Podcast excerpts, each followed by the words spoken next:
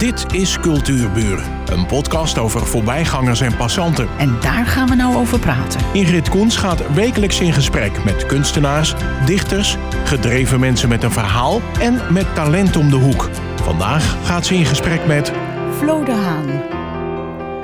Ik vroeg Flo de Haan mij een levensloopbaan te sturen. En hij schreef: Als het gaat om wat ik doe, dan lopen diverse lijnen door elkaar. Maar ik zal het enigszins rubriceren.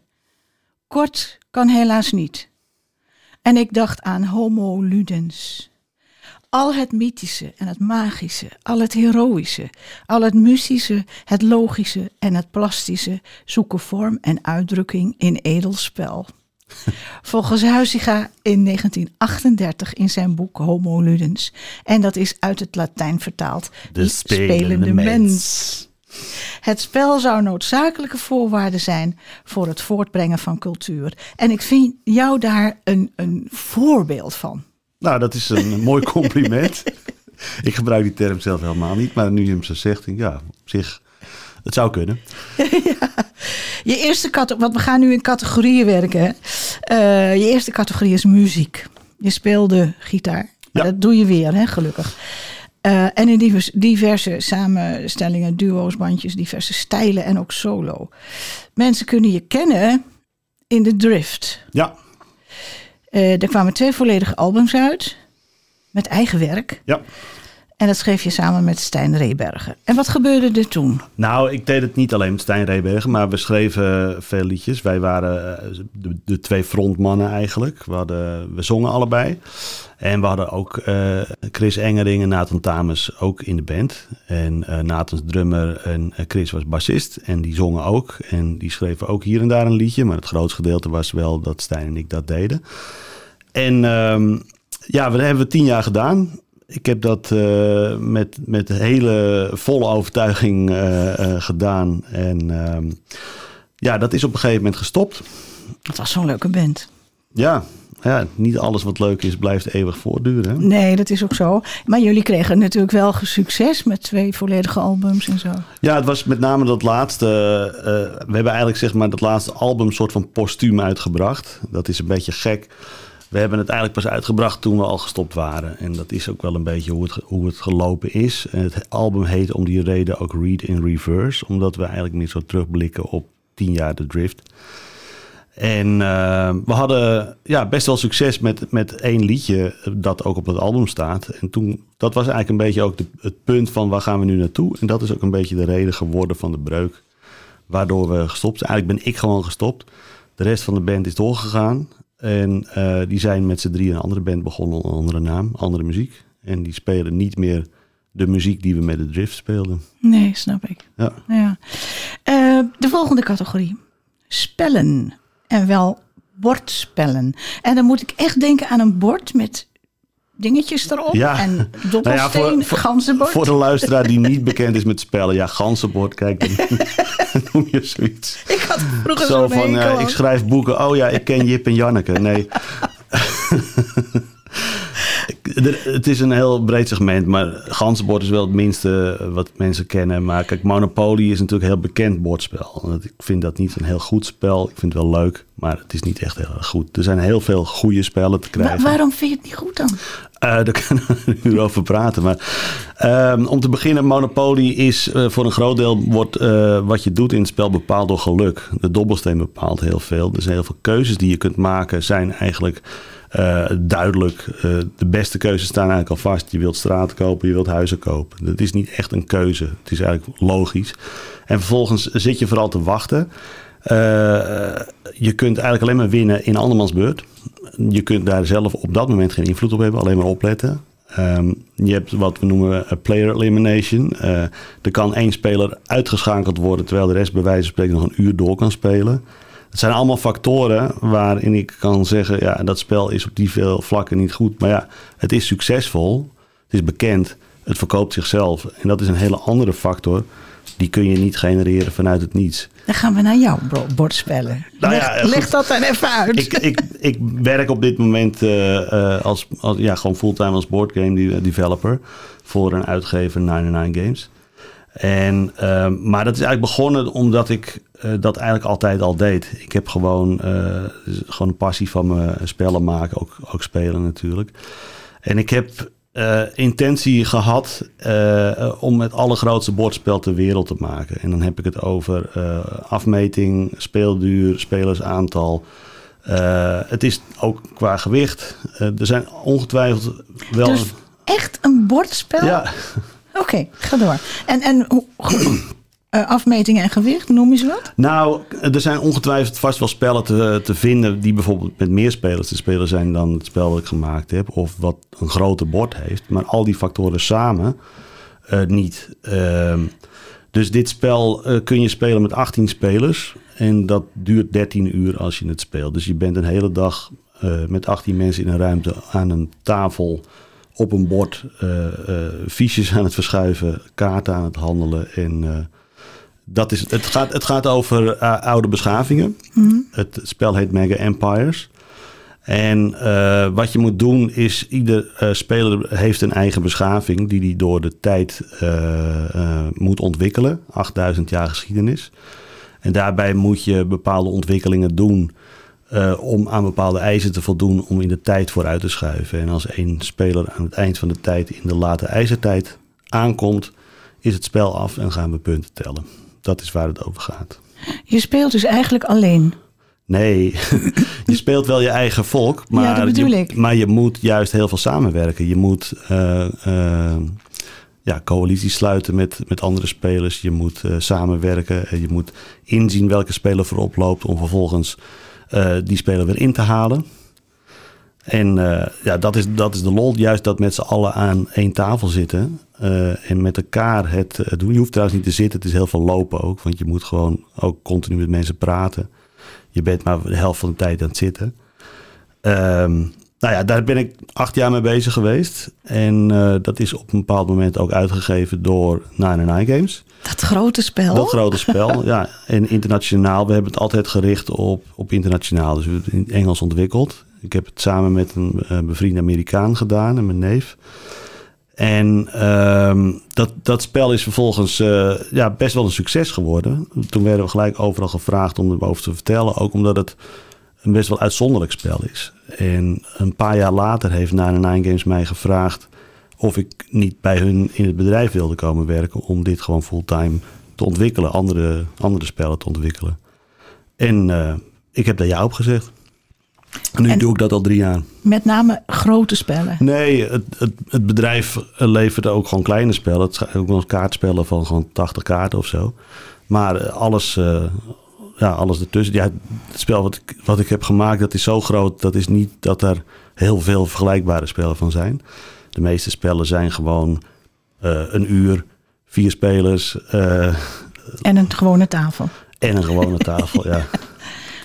De meeste maar, spellen wegen iets van 500 gram en dit spel was 11 kilo. Dus het is behoorlijk. Uh, maar ik wil, wil, nog even wat meer over dat grote spel weten.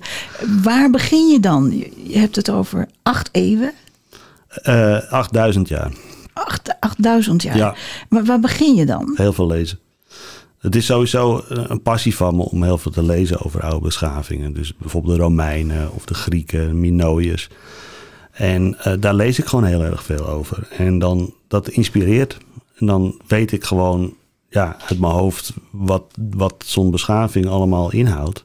Dat wil ik dan vormgeven in, in dit geval een spel. Je kunt ook een schilderij maken, een boek over schrijven. Ik vind het maken van spellen ook een, ja, een, een vorm van expressie daarin.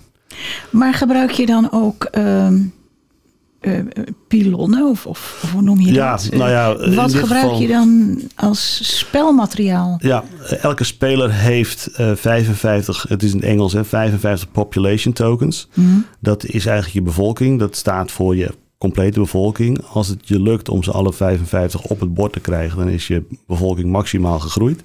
Dat gaat je niet lukken. Um, die fiches zijn namelijk gelijktijdig ook je geld. Hoe meer geld je hebt, hoe minder kans je hebt te groeien. En um, daarnaast heb je, kun je steden bouwen en je hebt schepen om die bevolking te verplaatsen. Maar praten we dan over echte schepen? Wat, wat, wat is een nee, token? het zijn fiches. Het is allemaal, oh, fiches, ja. het is allemaal zeg maar in your mind. Het is gewoon een, een, een fiche van 9 bij 9 millimeter van karton waar een Oh, plaatje ja. op staat. Meer Ja. is het niet. Maar het staat dan bijvoorbeeld voor 100.000 mensen. Maar eh, je zegt, nog even terugkomen, 8000 eeuwen.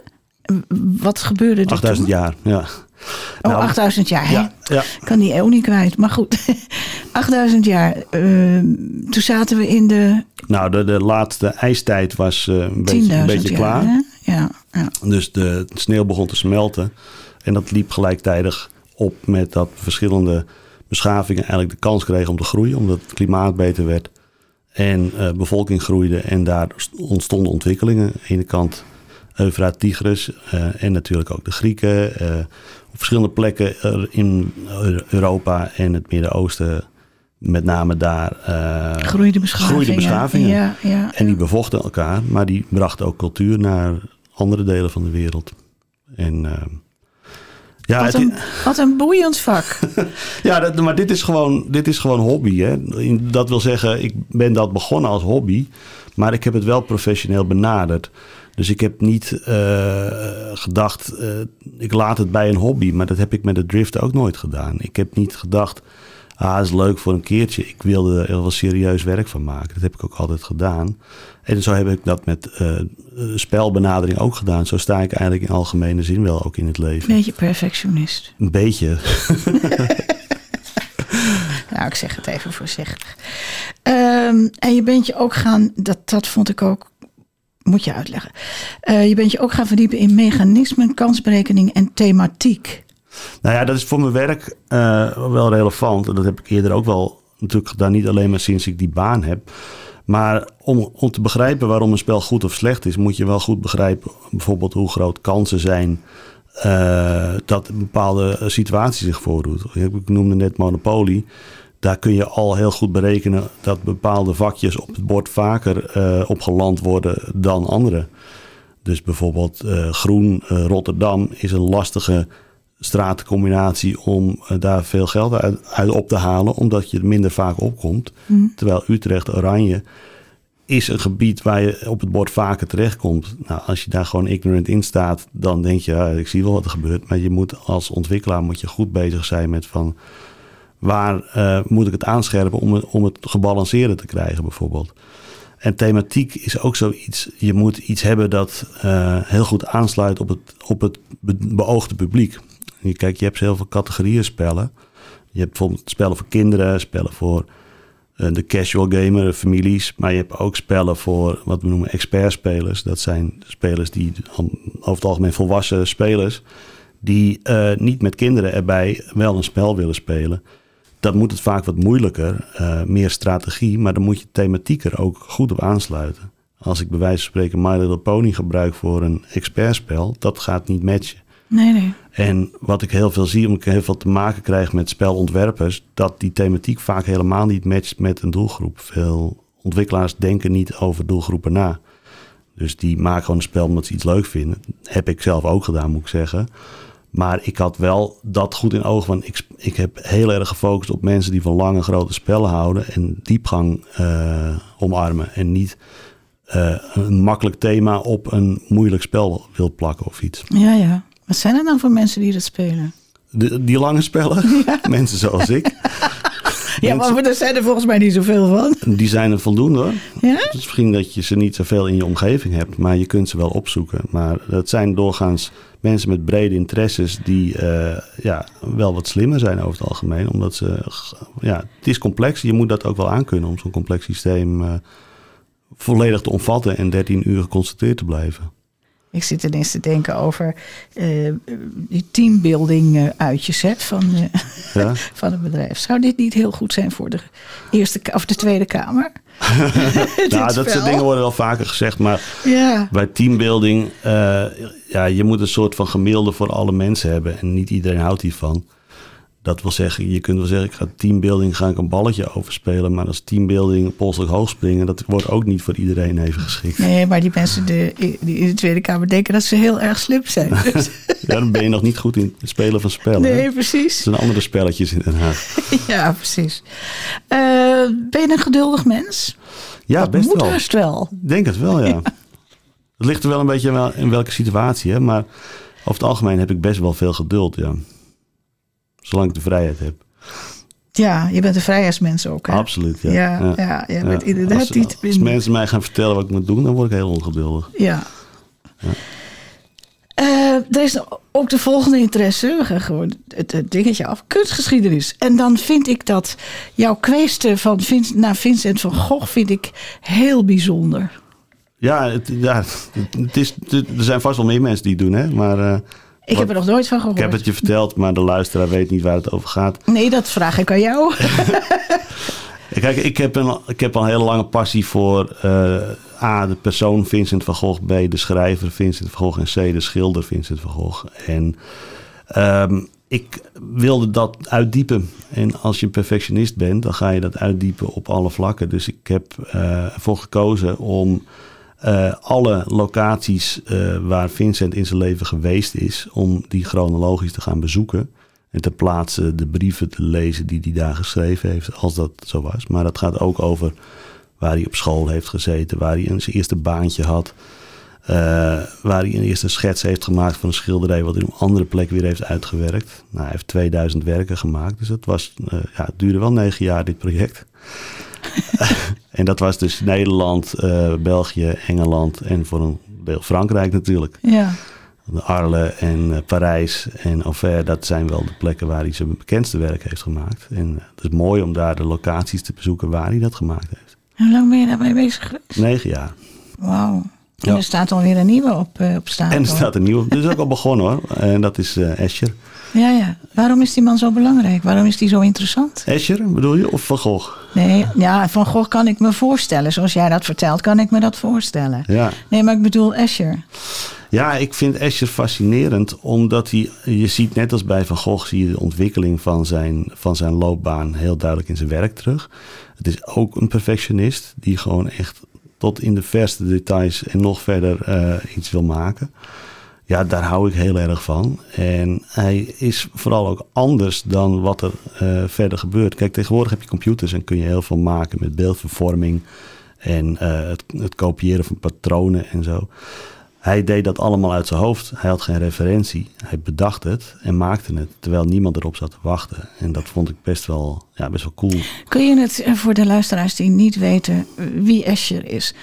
Uh, want iedereen kent zijn, zijn. Ze staan op t-shirts en, ja. en, je komt ze op kaarten. Overal kom je ze tegen. Zou jij kunnen uitleggen wat dat werk van Escher wel bijzonder maakt. Ja, nou, Escher heeft vier periodes in, in, zijn, in zijn werk. Dan gaat het in dit geval over. De eerste periode is voor mensen totaal onbekend. Dat is realistisch werk. Hij heeft gewoon landschappen gemaakt en dingen gewoon realistisch nagetekend.